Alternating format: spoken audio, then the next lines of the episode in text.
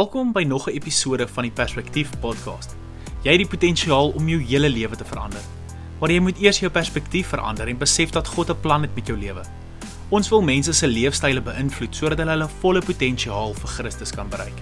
Geniet vandag se episode en deel dit asseblief met jou vriende. Dit is ongelooflik om te dink dat ons is al in die tweede helfte van 2019.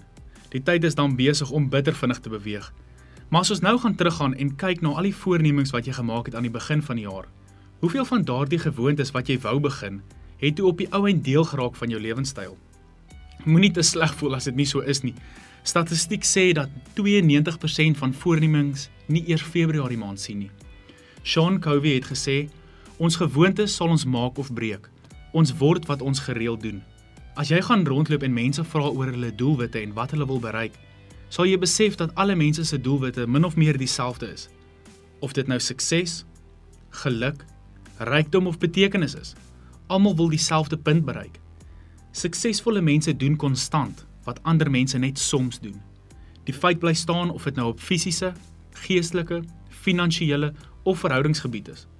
Petrus praat ook hiervan in Romeine 7:15.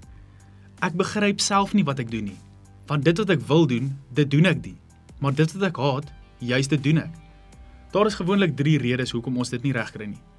Die eerste een is dat ons konsentreer op wat ons wil doen of wat ons wil bereik, maar ons verstaan nie hoe ons dit gaan regkry nie. Dit is baie belangrik om te verstaan hoe jy iets wil doen of bereik voordat jy dit doen. James Clear het gesê, "You don't rise to the level of your goals. You fall to the level of your systems."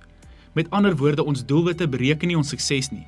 Ons stelsels om die doelwitte te bereik speel 'n baie groot rol in die proses. Die tweede rede is dat ons nie vordering vinnig genoeg sien nie.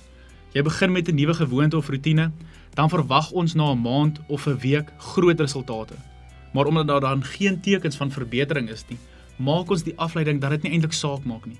Ongelukkig is dit dieselfde met slegte gewoontes ook. Daar's geen direkte resultate of uiteenlopings van 'n slegte besluit nie, so jy neem aan daar is nie 'n risiko nie.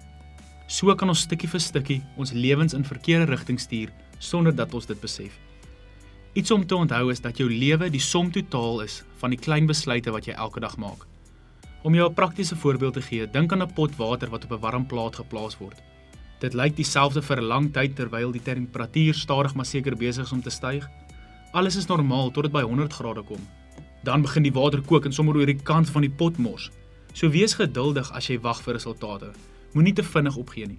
Die derde rede is dat jou identiteit belemmer jou vordering. 'n Gesonde identiteit bevorder gesonde gewoontes.